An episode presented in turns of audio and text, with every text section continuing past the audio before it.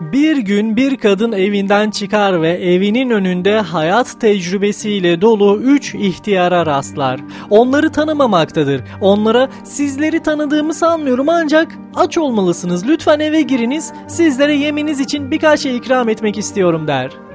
Evin erkeği içeride mi diye sorarlar. Hayır o dışarıda diye cevap verir kadın. Onlar da bu durumda eve giremeyeceklerini söylerler. Akşam kocası eve döndüğünde kadın ona olanı biteni anlatır. Git onlara benim evde olduğumu söyle ve içeri davet et der karısına. Kadın çıkar ve eve girmeleri için davet eder.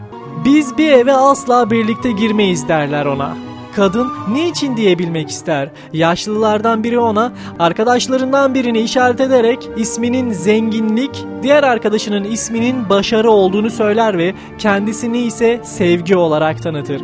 Ve şimdi evine dön ve kocanla hangimizin eve girmesini istediğinizi kararlaştırın diye de ilave eder. Kadın eve girer ve kocasına konuşmaları anlatır.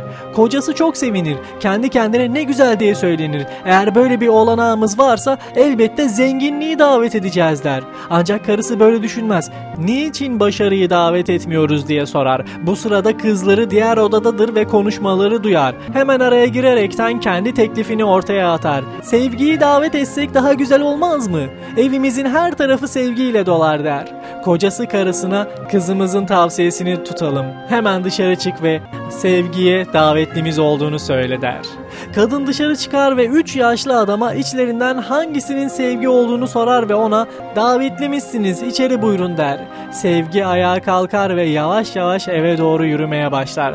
Bu sırada diğer ikisi de ayağa kalkarlar ve onu takip etmeye başlarlar.